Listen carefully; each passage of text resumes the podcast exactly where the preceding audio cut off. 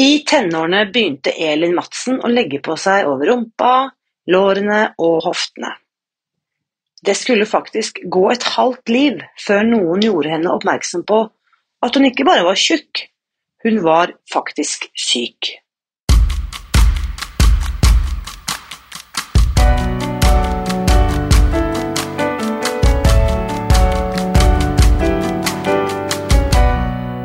Mitt navn er Irina Lie. Jeg er journalist og forlegger, gründer og sosial entreprenør.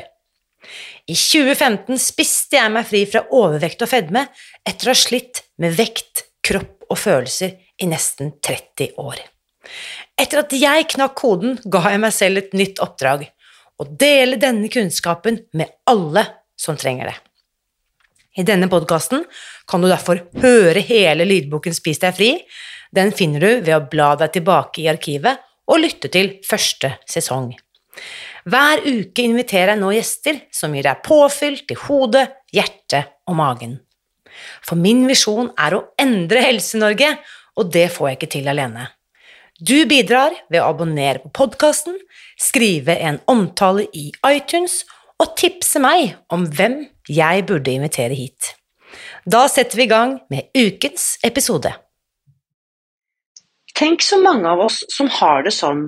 Vi går rundt og skammer oss og føler skyld og ansvar for ting vi faktisk ikke kan noe for. Hendelser eller omstendigheter vi ikke har mulighet til å påvirke. I hvert fall ikke når vi ikke engang vet om at de finnes. Sånn var det for Elin Madsen, som i dag er leder for Norsk lymfødem- og lipødemforbund. Historien du skal få høre, håper jeg bidrar til større oppmerksomhet rundt disse skjulte lidelsene, som faktisk ingen vet hvor mange er rammet av. Her er ukens gjest. Kjære Elin, velkommen til podkasten. Tusen takk. Og nå må jeg bare Jeg er så ivrig jeg er så yr og ivrig over å se deg igjen, for vi we go way back. Det kan, vi, Ja, ja, det kan vi faktisk si. Det er helt rett. Vi er gamle kjente. Vi er gamle kjente, og nå satt jeg og prøvde å spole tilbake. Jeg begynte som ung, ikke journalist engang, som eh, praksisstudent i Bergensavisen BA. Mm. En uh, vinterferiedag i 1995. Da var jeg 18. Eh, det er, da er vi nesten 30 år tilbake i tid, ikke sant? Um, Ja. og på det tidspunktet Jeg tror ikke du jobbet på Hvor jobbet du da? På midt på 90-tallet? Var du på desken der, eller? Nei, i 95 så var, jobba jeg på Feature. Du jobber som journalist på Feature, stemmer. Ja, det gjorde jeg. Mm. Du og Tove og den fine gjengen. Mm. Ja. Mm. Så vi kjenner hverandre fra langt tilbake, og så er det jo, Ja. fant vi ut her vet før vi startet opp det kan godt være ti år siden sist jeg sa det. Det er mulig. Det Ja. er Tida går veldig fort. Veldig fort.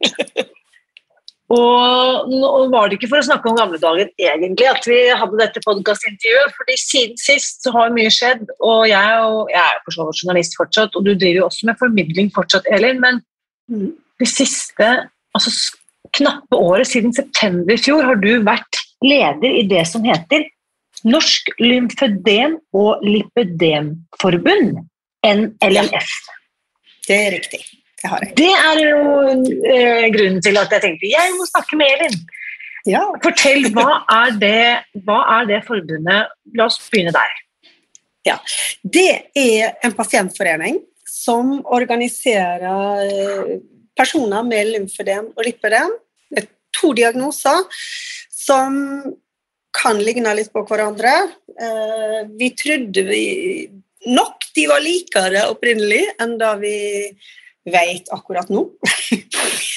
Ting forandrer seg når man får ny kunnskap. Eh, Men jeg kan begynne litt, ta en liten sånn historisk oppsummering. Gjerne. Eh, Foreningen, som det var i opprinnelig, ble starta som Norsk lymfødemforening. Eh, som organiserte pasienter med lymfødem og deres pårørende for 36 år siden. Ja. Lymfødem er en sykdom man kan få i løpet av livet. Gjerne f.eks. som uh, seinskade etter uh, kreft eller andre operasjoner òg, der lymfesystemet blir skada. Yes. Eh, Det er vel det de folk flest kanskje Det er, det, man, det er min referanse til det. At man har Ja. denne fortykkede Man armen f.eks. etter Ja. Brystkreftoperasjon. Mm. for eksempel, ja. Ja. Eh, da er det man har sett, eh, men så er bivirkningen faktisk like vanlig etter prostatakreft, som er den vanligste kreftformen i Norge. Ja. Eh, men menn går jo typisk med disse strømpene under buksa, så du ser det ikke sånn. Nettopp. Eh, En veldig tjukk støttestrømpe. Ja, veldig hard, veldig vond å få på, med det samme du skal lære deg da, men eh, et fantastisk hjelpemiddel. Ja. Um, det er òg ganske vanlig bivirkning etter ikke bare prostata, men gynekologisk kreft. Eh, Ja. Og, eh, Og da går det også ned i beina. Da går det òg ned i beina. Og bare for å forklare det med lymfe Heter det ikke lymfeknutene? Jo, det heter lymfeknuter og Og da- lymfesystem. Og de er jo øh, de, er tett knyttet til immunforsvaret vårt, ikke sant? Det er helt rett. Eh, de fins i hele kroppen. Ja. Og vi har lymfebaner i hele kroppen som sørger Ja. for uh, at uh, lymfevæske blir drenert, og så blir det rensa, og så siver den ut i kroppen igjen, og så siver den tilbake og blir rensa. Så de går Du- gjennom lymfeknuta i hele ja. Nå systemet. må jeg bare sjekke sånne myter da, som jeg har hørt. Jeg husker mormoren min hadde sånn vel av sånne, om det var medisinsk fundert, eller om hun fant på, det vet jeg ikke, men hun påsto at de siste lymfeknutene er bak Altså rett under øreflippen, da, rett liksom bak kjeven. Sånn at du er ikke beskyttet av lymfevæske fra overleppen og opp, husker jeg hun alltid sa. Da er det kanskje litt sånn kort fortalt, da. For at vi har lymfevæske i hodet òg. Ja. Og, og eh, man kan òg ha lymfedem i ansiktet. Ok, fordi det grunnen til at mormor kom etter, var spesielt i tenårene når jeg sto og klemte kvise på badet. Da mente man at det var så dumt. Og fordi at lymfevæsken sluttet ved overleppen. Så var egentlig Ja. kanskje et forsøk på å få meg til å slutte å klemme på de kvisene. Kan godt hende. Ja, ok, jeg måtte hun Så- hvile i fred. Men Ja. også dette med lymfe en annen, Jeg skal bare skyte Det blir mye digresjoner når vi snakker om uh, ting vi ikke kan så mye om, merker jeg. Eller jeg ikke kan så mye om. Fordi det jeg også har hørt Dette er kjempespennende. Hvis du tenker at hjertet er den som pumper blodet rundt i Mm. kroppen, ja. så har jeg hørt at det er diafragmaen vår som er den som bidrar til å pumpe lymfevæsken rundt i kroppen. Slik at det Dette sier jeg jo da for at jeg har studert pust de siste par årene. Og det sier jo Mm. noe om viktigheten av å puste bra for å ha bra lymfedrenasje. Ja, og det er ikke umulig at du har rett her. Nå kjente jeg at jeg var litt på tynn is. Tynn is. Ja, for det, ja, for det er ikke noe du har hørt om eller kjenner til? Nei, altså ikke, ikke sånn inngående, men pust er grådig viktig. Altså, Ja. Yoga er type god trening, Ja. både for lymfedem og den andre diagnosen vår, og fordi at man holder systemet i gang, Yes. og store, sakte bevegelser, og, og alle kan delta sin, med sine forutsetninger. Og pust er kjempeviktig for å holde systemet i gang. Det er så kult at du sier, fordi dette er jo mer og mer kunnskap som nå blir kommet Ja. til overflaten nå. Sant? Men, men sjekk ut det der med diafragmaen. Ja, Hvis du ja. tenker på det, ikke sant? Den beveger, det er jo hele mellomgulvet vårt som beveger seg som et sånt seil opp og ned, som et gigantisk stempel i sakte Det er tempo. et stempel. Og det, det, og, og, altså, det er jo et, en form for vakuum her. For at Mhm. vi har ikke på, I lymfesystemet så har vi ikke puls. Eh, hjertet pumper blod ut, men lymfesystemet går litt av seg sjøl. Eh, Yes. Derfor er fysisk, eh, fysisk aktivitet og Ja. viktige for å holde oss i gang. Veldig spennende. Og Kåsen har vi Ja. fått etablert litt om bakgrunnen for Det var da Norsk Lymfødem Forening for 35-6 år siden. Ja. Og så, da må vi, Nå er vi på sporet igjen. Vær så god, Ja. Elin. Den er god. Og så ble forbundet utvida til eh, å, å skifte navn til lymfødem og lipødem for eh, ja, fem-seks år siden. Ja. Eh, og lipødem en kvinnesykdom. Uh, lymfødem kan alle få. Uh, kan lymfødem kan òg være medfødt, men vi kan ikke gå inn på det sporet, for da kommer vi aldri dit vi skal i dag. men, men lipødem er uh, i hovedsak en kvinnesykdom. Kan lett eh, forveksles med fedme, fordi man får eh, sykelig opphoping av fett eh, i kroppens ekstremiteter, og det skjer alltid eh, Hva heter det? Eh, parallelt i begge bein eh, eller begge armer. Og, det er interessant å si lipødem i armene, har jeg faktisk aldri hørt om. Jo, det kan skje. Eh, men det vanligste er liksom rumpe, hofte, lår og legger. Eh, men du kan òg ha det i armene. Noen har det. Og, og eh, det er jo fett. Eh, derfor er det lett at det òg blir forveksla med fedme. For at hvis du har liksom én stor fot og én liten, så er det lett å skjønne at her er noe galt. Men har du ei stor rumpe og to store lår, så, så blir du oppfatta som feit. Da går det under radaren, selvfølgelig. Mm. Ja. Um, og kanskje jeg skal si bitte litt om min egen historie her. Ja, jeg, det vil jeg. Jeg skal bare skyte inn her. for det er grunnen til at Jeg, jeg har tenkt på dette med bare, litt ja. bakgrunn her også.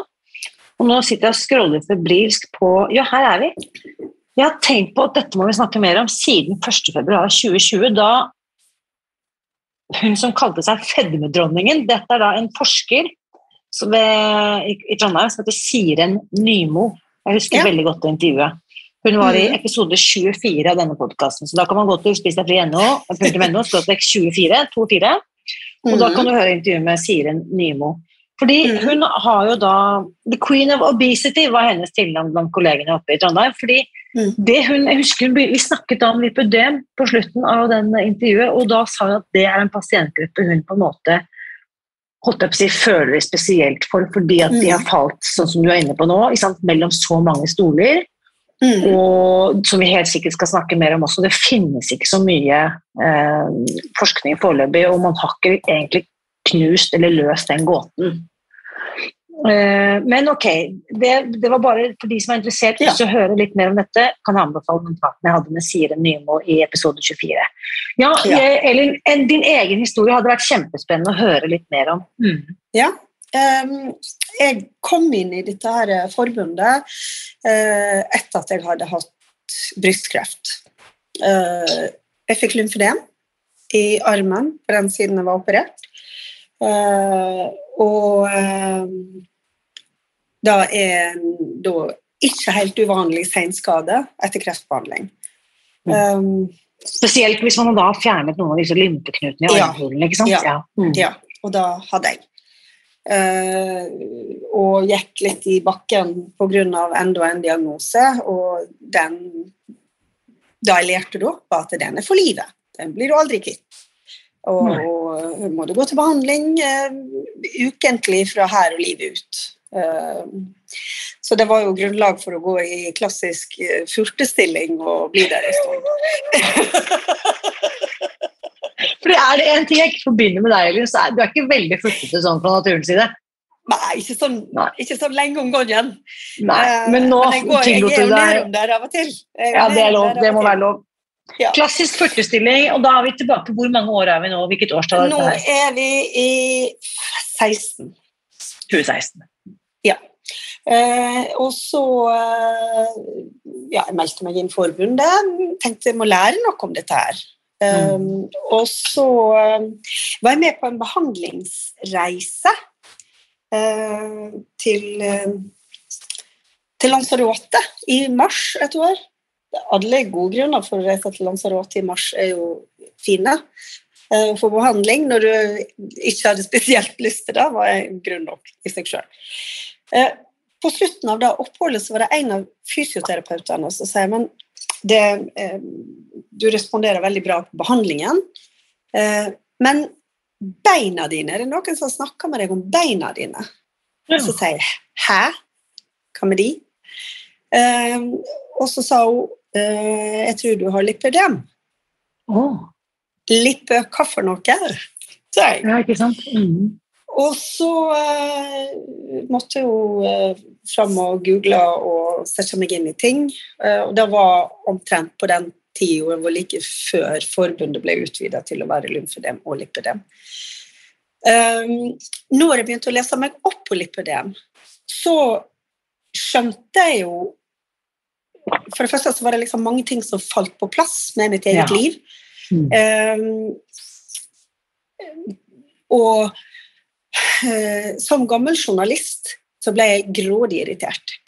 For at jeg gikk aldri og googla min egen kropp. Eh, for at eh, jeg har alltid hatt en klassisk lipødemkropp. Men jeg visste jo ikke at, jeg, at lipødem var noe. Jeg bare veldig stor For så vidt slank i overkroppen. Stor rumpehofte. Saftige lår. Um, I perioder jeg har vært tynnere, så har jeg fortsatt vært ganske drøy over hekken. Um, men, men, Stabilt sete. Ja. mhm. stabilt sete. Jeg sitter godt. Jeg ramler ikke av stolen.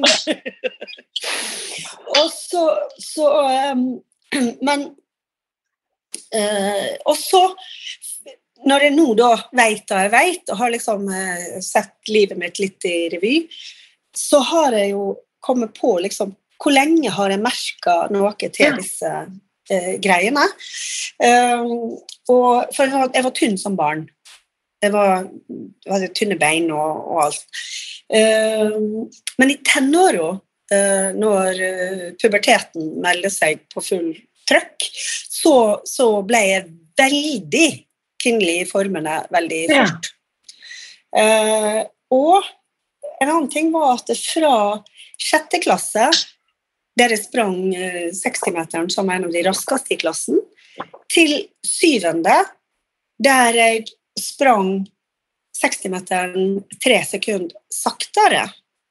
ja, det skulle ikke tilsi da. Da skjedde det noe på ett år. Mm. Ja, det hadde det. Mm. Og det var sånn Jeg sprang så fort jeg kunne i året etter òg, men, men kroppen ville ikke lenger.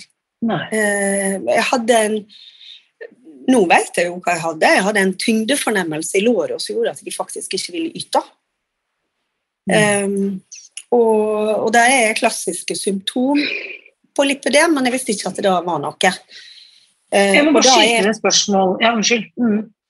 Ja, det er typisk pubertet, svangerskap, eh, overgangsalder. Det er typiske faser i Ah. et liv der lipødem kan gjøre seg gjeldende eller bli forverra. Og da skjønner jo jeg at her er det et eller annet hormonelt som muligens kan spille inn. Da spiller jeg i hvert fall inn. Eh, Ja. Det er eh, hormonelt og genetisk. Men man har ikke påvist genet, og man har ikke heller helt påvist eh, hormonet, men det ser ut som om det er østrogensammenheng her. Yes. Ja. Og da lurer jeg på, jeg vet jo at du er eldre enn meg, men hvor gammel er du, Elin? Hvis jeg kan spørre deg om det. 60. 60, ja. Ja. Altså, jeg vil jo, du kunne fint ha dratt av ti år. Du ser jo fantastisk godt ut, det må jeg jo bare få lov til å skyte inn her på Zoom-skjermen. Um, jo, for jeg prøver å tenke hvor langt tilbake er vi når du snakker om tenårene, ikke sant? Og da snakker vi Ja. 45 pluss år siden. Ja, Når du er 12-13 år, ikke sant? når du snakker om Ja. denne 60-meteren. Ja. Så, og det er jo selvfølgelig en helt, et helt annet kunnskapsgrunnlag vi har i dag, men var det Mm. noen, noen gang som ble det da et vektfokus? Eller hvordan forholdt du deg da til din egen kropp, sånn som du sier, utviklet kvinnelige former raskt? Hva, Ja. hva var selvsnakket rundt dette med kropp da? Nei, jeg syns jo ikke det var så himla kult, for at det var greit nok å få kvinnelige former. Men, men eh, det får nå være måte på. Eh, Ja. altså sånn, for at eh, tidlig um, så begynte jeg jo å få problemer med å finne jakker som passte, for at de skal gå igjen over hoftene. sant? Ja. Eh, og og eh, altså sånn type regntøy, Mm. andre ting som er altså, vanskelig å finne eh, Jeg måtte liksom opp i størrelse, så jeg fikk armer som var kjempelange, eh, og ting som var veldig hvitt over skuldrene, for Mm. at jeg kunne få de på meg. Sånn. Um, og, og uh, ikke noe sånn uh, altså problem med selvbildet og, og uh, kroppsforståelsen, holdt jeg på å si, den er nå jevnt dårlig hos de fleste i tenåra. Men, men det var en del ting her som ikke var bra, og, ikke, og jeg forsto det ikke. Nei, ikke det var jo, jeg hadde liksom blusa i størrelse 36, mm. men likevel veldig drøy over hoftene. Ja, ja. For du er jo, ikke sant, sånn som jeg, som jeg bare husker deg nå, da. Jeg, bare, jeg tenker når jeg kommer inn i BA, og så ser man jo for seg liksom disse voksne ja, menneskene. Og jeg tenkte jo aldri på deg som noe tjukk.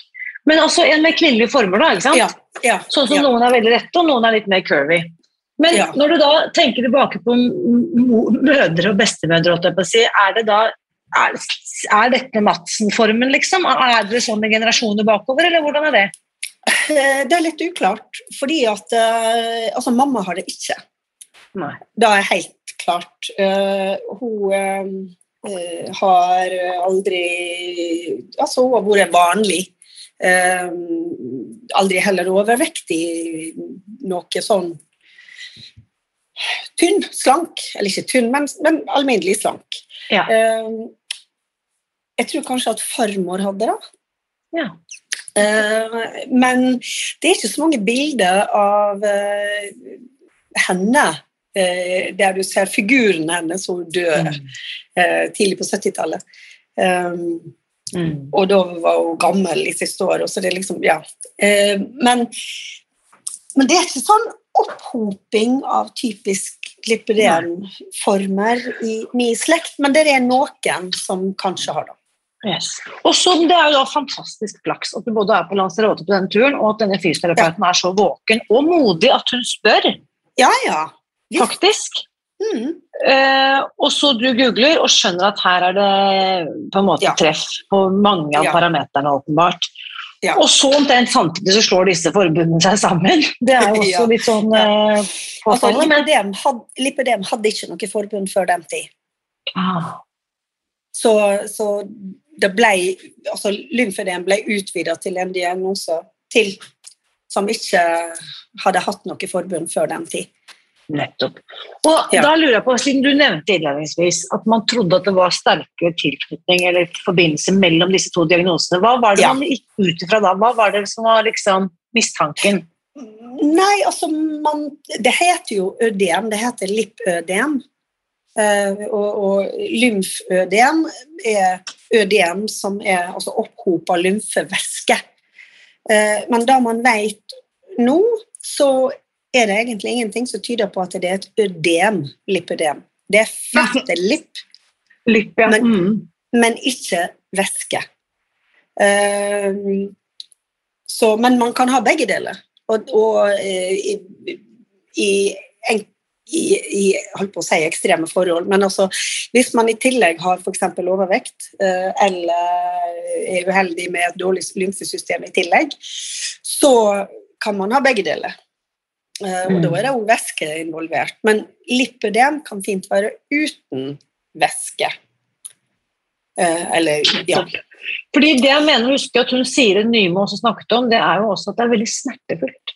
Ja, og det er da som er det store problemet. For det at, det, er, det, er, dette her er, det er et sykt fett som bygger seg opp på, på deler av kroppen. Eh, når du går ned i vekt, så forsvinner det ikke. Eh, og, og det er smerteproblemet som er det store problemet. Altså da Å ha en kropp som ikke ser ut sånn som man egentlig skulle ønske seg, er jo selvfølgelig dumt, men det er ikke en medisinsk tilstand det er, det er smerteproblematikken som er det store problemet, og, og som for, i enkelte tilfeller kan være bortimot invalidiserende smerter. Ja, jeg har skjønt det. jeg har skjønt det, Det høres jo ikke bra ut, spesielt da man vet altså Langvarig bruk av smertestillende skjønner man jo helt ja, ja, ja. at det er jo ikke bra. Men, men fortell da eh, Du nevner at det er sykt fett som bygger seg opp. Eh, hva er det som skiller lipødemfettet, hvis man kan kalle det det, fra hva skal jeg si, det vanlige sideflesket, liksom? Ja, altså Jeg kan komme litt tilbake til det jeg sa her tidligere om, om eh, lår som ikke ville springe. Eh, altså sånn derre tyngdefornemmelse, eh, smerteproblematikk, kroppsdeler som, som altså det, det, er akkurat som dette fettet ligger og forhindrer kroppen i å gjøre jobben sin. Altså, i, i, uh, du har den, den, største og sterkeste muskelen i kroppen, bortsett fra livmor, da, som vi bare bruker et par ganger i livet. Uh, jeg visste ikke det. Det, det, er, det er kroppens sterkeste muskel? ja, den trekker seg sammen? kropp, ingen, muskler som kan trekke seg sammen på den måten. det som er eh, fascinerende, det er ikke viljestyrt, tenk deg det. Nei, vi har ikke noe vi skulle ha sagt den gjør jobben uansett. Den jobber.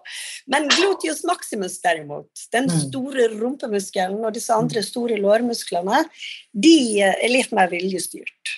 Mm. De blir bygd opp ved trening, og det er ferskvare. Og, og, eh, jo mer vi bruker de, jo sterkere blir de, og jo mer yter de.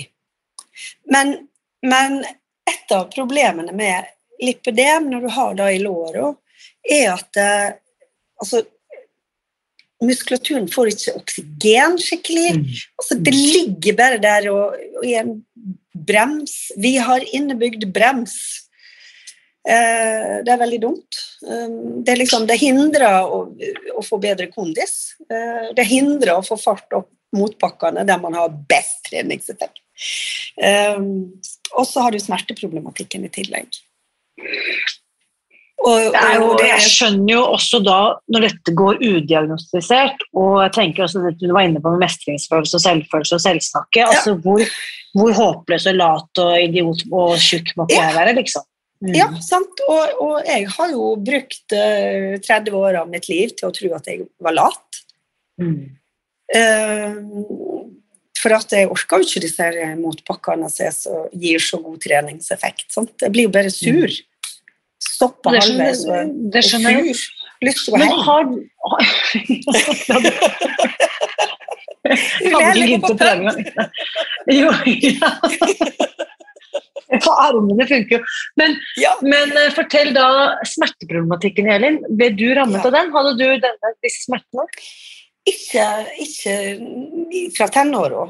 Uh, men den har kommet mer etter hvert. Uh, og det er, det er både uh, berøringssmerte. Og altså da Jeg husker jo et par situasjoner der jeg har fått en klaps på ræven. Det er jo enkelte menn som syns at det da er en gøy måte å flørte på.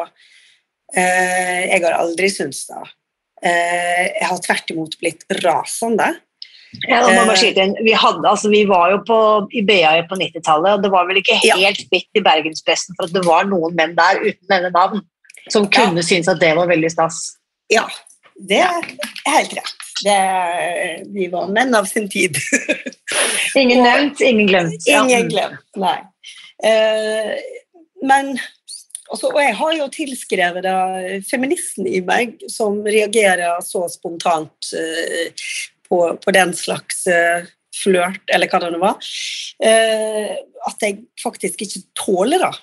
Men, men, jeg gjør ikke det, for det er grådig vondt.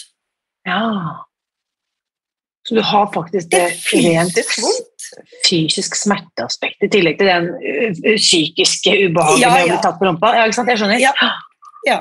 Så, så wow så berøringssmerter som er liksom du får fryktelig, Det gjør fryktelig vondt med ting som egentlig ikke gjør vondt. Altså da å få bli klapsa på rumpa, eller da å bli pirka i. Altså, sant? Du sitter eh, et eller annet sted, og så noen som pirker i deg, sånn poke. Det kan være ekstremt vondt så det er uforståelig for oss som ikke har denne Ja, ja, ja visst. Og, det, og det, har, uh, det har tatt lang tid før jeg har skjønt det òg. Ja. Uh, Men altså, bare for å være helt banal, altså jeg har akkurat klemt en finger, og nå kjennes det ut som liksom, hele verden skal borti den fingeren. Ja. Og hver gang ja, den borti, så bare støter det til. Snakker vi, Er den sammenlignbar med en sånn type smerte som du overhodet ikke tenker på når den er helt frisk, men, så, men du har dette på en måte kontinuerlig i ja, men også er det sånn Det er, sånn, det, det er en blanding. For det er, det, det er, smerter som er konstante, og så er det smerter som er ved berøring eller poking ja. eller andre ting. Um, og så er det ikke alltid du reagerer like mye, men jeg kan jo få blåmerke uten å vite at jeg har vært borti noe i tillegg. da. Ja, ok. Så ok, men da, eh, bare, da har vi på en måte skjønt litt om lipødemutfordringen. Og da, Ja. eh, som pasient, og da eh, er du selvfølgelig hva, hva, hva i dette, Bare for å snakke litt om forbundet òg, da. Eh, Ja. Hvorfor er det gunstig for en lymfødem eller lipødem-pasient å være med der? Hva er det jeg får som pasient der, som på en måte ikke kan få hos fastlegen min? holdt jeg på å si? Nei, du får en pasientorganisasjon som jobber dedikert med problemstillinger rundt disse diagnosene, og som både Oi! Mm. Den var satt på lydløs nå. Mm. og som òg er engasjert i forskning. Eh, og for begge diagnoser. Eh, Vi var involvert i et forskningsprosjekt på lymfødem som ble avslutta i fjor. Eh, Vi var, og vi er ganske involvert i den store nasjonale studien på lipødem som er starta i Bergen, og som er under oppstart i eh, de andre helseregionene. Da har vi jobba med i flere år. Så dette er jo nettopp sant, pasientrettigheter. Og så vil jeg tippe at dere driver Ja. mye med sånn lobbygreier også inn, inn mot Ja. politikere, for å sikre at eh, medisiner kommer på blå resept og sånne ting. Ja. Ja. Og ja, absolutt. Hva, snakker vi om i tall her? Hvor mange, altså, vi hadde jo et fantastisk samarbeid med Revmatikerforbundet i fjor, og da lærte jeg jo at over en million nordmenn har smertelidelser, eller muskel- og skjelettsykdommer. Hvordan er Ja. tallene på lymfødem og lipødem? Vet man det?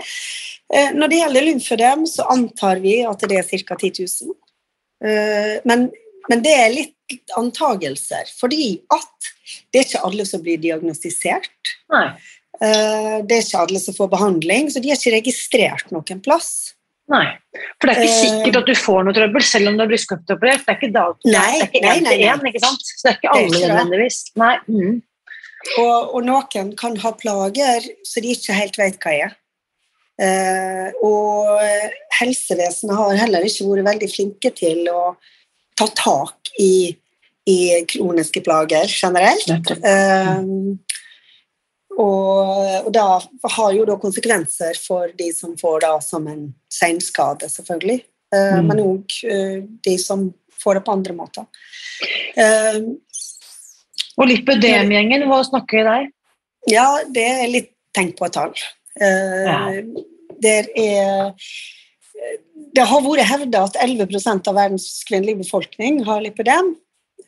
Det er et eh, tall som, eller, som er avkrefta hundrevis av ganger, men som lever sitt liv rundt omkring likevel. Eh, Det var et tall som, opp, som kom fra Følde-klinikken i Tyskland, som er blant verdens fremste på feltet.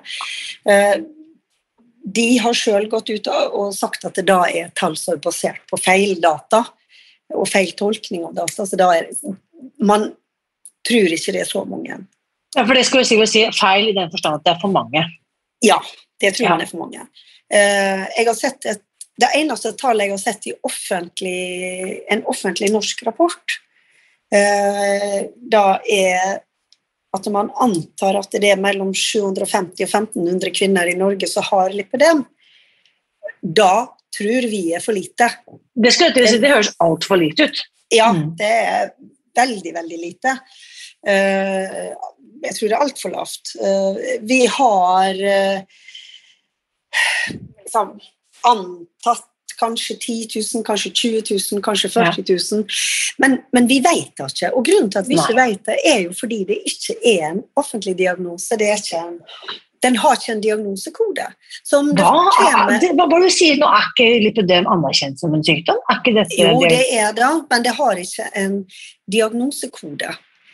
Og derfor så er vi heller Vi har heller ikke eh, pasientrettigheter. Altså, nå er det sånn derre eh, Si at du tuller, vær så snill. Nei, Altså. Eh, Jeg gjør ikke det. Uh, lipidem er en sykdom.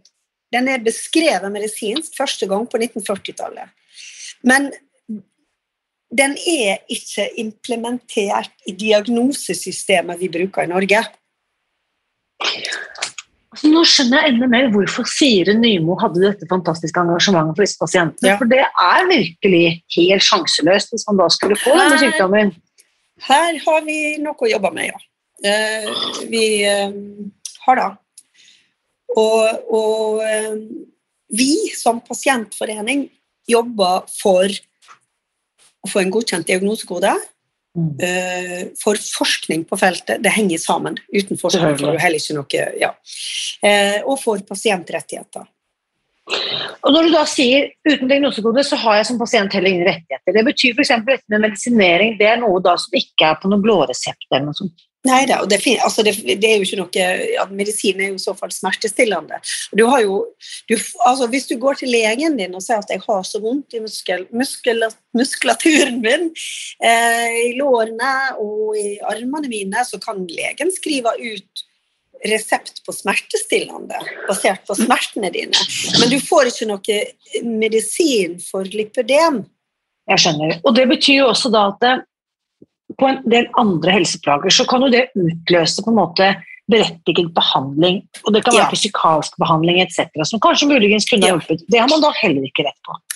Nei, men altså, du kan få hjelp til mange ting, men, du får, men det er ikke basert på at du har lipidem. Nettopp. Jeg skjønner. Og derfor, og det, men det er viktig òg fordi vi mangler et statistisk materiale her, fordi det ikke finnes en diagnosekode, så er det sånn at hvis jeg går til legen og klager på disse lipidemplagene mine, så kan jeg få hjelp. Jeg kan få smertestillende hvis jeg trenger det. Jeg kan få eh, ja, hjelp til å lage spesialsåler hos ortoped hvis jeg trenger det.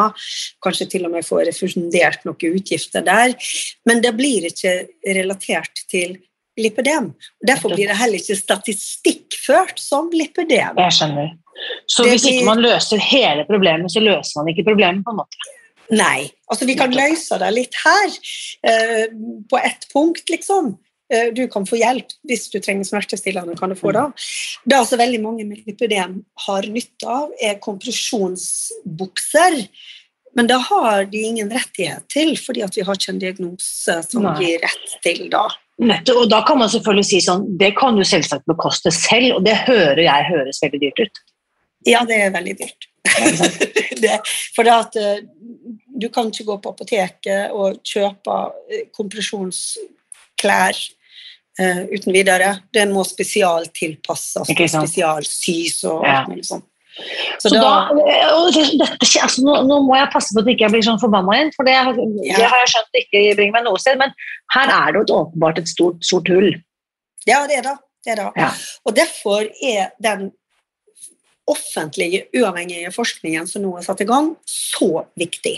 Ja. Fordi at eh, per i dag så kan, altså du kan få diagnosen lipødem hos en privat plastikkirurg, men i og med at det ikke fins Det er ikke en konsistent eh, diagnostiseringsmanual eller protokoll. Jeg skjønner.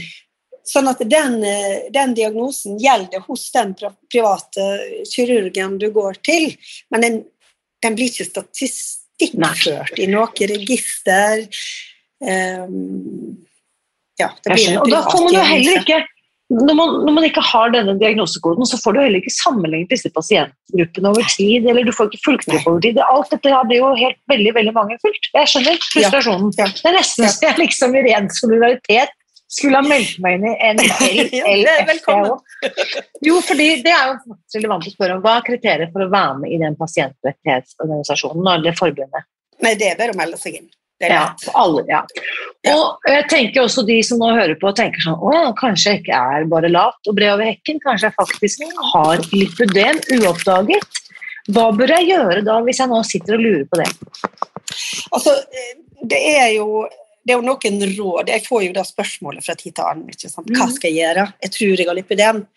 Uh, og da, det er liksom et par ting vi alltid sier. Uh, og da som du kan gjøre sjøl, er eh, ikke legg på deg. Det er ikke så lett, lettere sagt enn gjort. Ja, men jeg skjønner dette, dette vet jo jeg eh, mye om personlig Mm. Og, Eh, men, men vektkontroll, fordi at eh, lipødem blir òg trigga av vektøkning og blir verre. Ja. Eh, og fysisk aktivitet er viktig. Så det er liksom de to tingene du kan gjøre Ja. som er kjempeviktig. Det er det kjedeligste som kan, det går an å si til noen. Ever. For det er liksom sånn Å ja, du er tilbake der. Ja, ok. Ferdig Mm. snakka. Men, men det er sånn. Jeg skjønner. Eh, Og da vil jeg tippe, bare for å skyte inn det, at da kanskje den, de trenings- eller bevegelsesformene du refererte til i stad, med pust og yoga Ja. og store, rolige, store sirkler etc., at det kan være gunstig for lipødemgjengen også. det, det er jo da Altså sirkulasjon er jo eh, alfa og omega. Ja. Og, Jo, og sånn- yogalæreren i meg blir veldig glad, for dette, dette, Ja. dette er jo i linje med alt vi tror på, med sånn sirkel på skuldre og hofter Ja. og armer og håndledd og hode og alt. Mm. Alt. Ja. alt ja. Så, så, men heldigvis så er det jo det, det foregår jo noe da etter hvert. Eh, jeg sa at diagnosen ble første gang omtalt, eller sykdommen ble første gang omtalt på 40-tallet. Eh, så har altså Kvinnesykdom generelt har jo ikke vært det som har fått eh, medisinske forskere til å springe veldig fort. Og, men, men i senere år så har det skjedd noe. Der pågår et internasjonalt arbeid i Europa. Det er en konsensuskomité som har satt seg ned og gått gjennom alt som har vært skrevet om lipidem.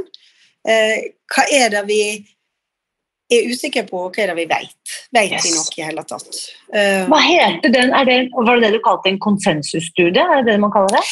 Ja, altså det er Det er og Å, nå ble jeg veldig usikker. jeg Ja, for det, det, det, er sånn- det er sånt ord, det er sånt ord Ja. hvor, man, hvor man studerer studiene. Jeg vet Ja, at det finnes ja, ja, ja, det er metastudie, egentlig. En, metastudie, takk. Mm. ja. Uh, det man går gjennom alt som er publisert Yes. og slipper dem. Og er det noe som er felles her, er det noe som går igjen? Uh, ja. Og så uh, er det faktisk òg slik at det, det pågår ting i Norge. Eh, det er akkurat starta en, en nasjonal studie på lipidem eh, og fettsuging. Fordi da er en behandling som eh, har vært utprøvd eh, en del. Hovedsakelig i privat eh, regi, plastikkirurger. Altså man kan fjerne det syke fettet. Det er det som er poenget, da. Fysisk fjerne det, og da må man, sånn som du ja. sier, fettsuge. Mm. Ja, det må man. Det er komplisert og omfattende behandling.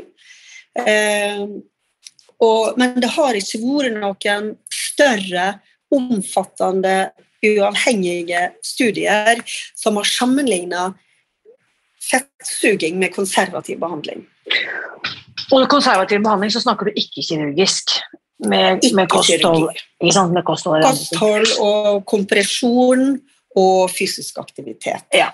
Fordi da kan jeg også si, og dette har jeg jo nevnt for deg, Elin, når jeg først kontaktet Mm. deg, det var et hun som tipset meg om at, dette, at jeg burde snakke med deg. Ja. Hun sa jo også, fordi at, med bakgrunn på det, jeg vet ikke om vi har rukket å snakke med deg om det, men vi hadde et veldig spennende kostholdsprosjekt i samarbeid med Revmatikerforbundet i fjor vår, som het Smertefri sammen før sommeren. Veldig Ja. ambisiøst. Det begynte i april, i ti uker, og det var helt mirakuløst mange av de resultatene vi klarte å skape. Og det Mm. hun, øh, din bekjente, da, vår felles bekjente, nevnte, var at øh, det hadde vært veldig spennende å få til et kostholdsprosjekt. Bare, ikke sant? Det er jo ikke en studie, det er jo ikke forskning som sådan, men bare for å teste. Hva tror du om det? Hadde det vært liksom mulig? Kunne det vært spennende å gjøre? Altså, det, er, det har vært en liten studie på uh, lavkarbo knytta til smerte på lipidem Ja. uh, i Helse Midt. Eh, og der jobbes med en større studie på det feltet ja. for å, for å, å, å eh, se hvordan det påvirker smertenivået på lipidem. Yes. Noen i privat regi driver jo Jeg kjenner mange som lever på lavkarbo og som har, forteller om gode resultat på det. Eh, og det er selvfølgelig kjempespennende for å, å liksom eh, Er det kan da være en løsning, liksom. Mm. Um, og så er det jo òg slik altså, at um, det er en um, overhyppighet av fedme blant kvinner med lipidem. Ja. Det er ikke gøy å snakke om. Fordi at det er så stigmatiserende. Altså, Mm. Fedme er et stort nasjonalt problem, men vi skal helst ikke snakke om det, for at det, Mm. blir så ampert og aggressivt og vanskelig. Og det er ikke bare å ta seg sammen. På ingen måte, dette vet jo jeg alt om. Det er, og det du Ja. fortalt det er jo ingenting som er mer provoserende. Så det er jo så vanskelig. Men, men jeg planter et frø, Elin. Og så Det er jo der vi må begynne. Jeg syns det hadde vært Mm. kjempespennende, fordi at jeg har jo lipødemikere, hvis man kan kalle det det, som har tatt bilaterikurs på egen hånd, si, og har meldt om Mm. resultater som er oppsiktsvekkende gode. Så kan jo ikke jeg påstå at det er Altså Sammenfall i tid av hendelser er jo ikke nødvendigvis kausalitet ikke sant, eller årsak. Men jeg syns i hvert fall at eh, her er det noen greier eh, som kunne vært spennende å se nærmere på. Mm. Absolutt. Så eh, vi holder den tråden varm. Men eh, Ja. før vi runder av, så må jeg bare spørre da eh, For du nevnte jo at dette er jo en kronisk lidelse.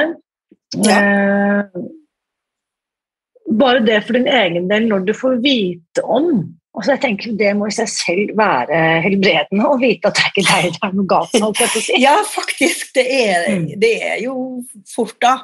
Fordi at eh, du får forklaringer på hvorfor du ikke virka sånn som du trodde du skulle gjort. Eh, altså det uh, Jeg går den samme motbakken med venninna. Hun blir i bedre form, jeg blir ikke.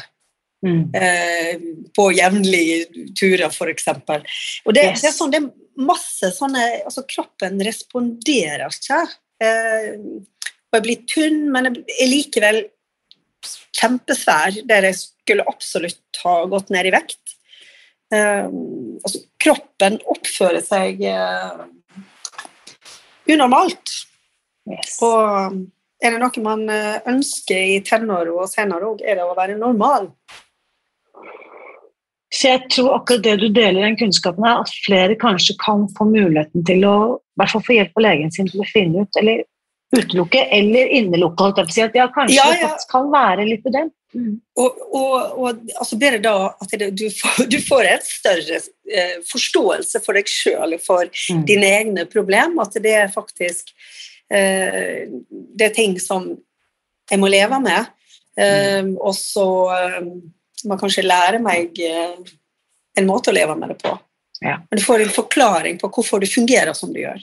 Yes. Og da vil jeg jo tenke at hvis du da faktisk har skjønt at det er dette som på en måte er en del av problemet, så ville jeg sagt til den som hører det, meld deg inn i foreningen eller forbundet. Der er du, møter du likesinnede. Og bare det i seg selv kan jo være helbredende. Det er faktisk sant. Og vi har eh, 20 lokalforeninger i hele landet. Ja, så bra. Eh, en del av de lokalforeningene driver med ja, en del sånne fellesarrangement, da, både kafétreff og andre ting, men òg type bassengtrening, som er Ja. veldig bra.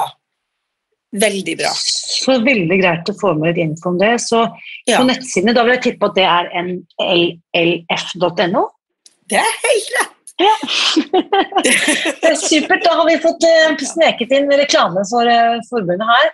Mm. Det er superviktig. Og jeg må bare si, da, på vegne av eh, mange flere enn vi tror, takk for det viktige arbeidet dere gjør. Vel bekomme. Vi har ikke Mhm. tenkt å gi oss. Nei, Det er veldig godt å høre, Elin. Og vi kommer også til å snakke mer sammen, så jeg må bare si denne Ja. gang takk for praten. Takk i likeså.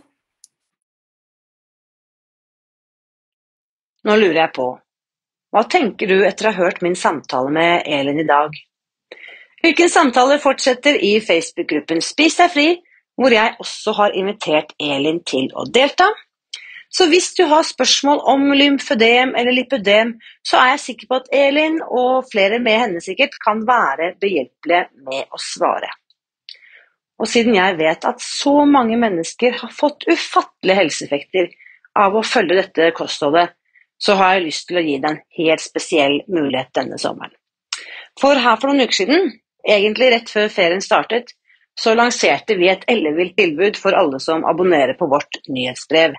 Og det kan du lese mer om på vår nettside spisdegfri.no kokeboktilbud.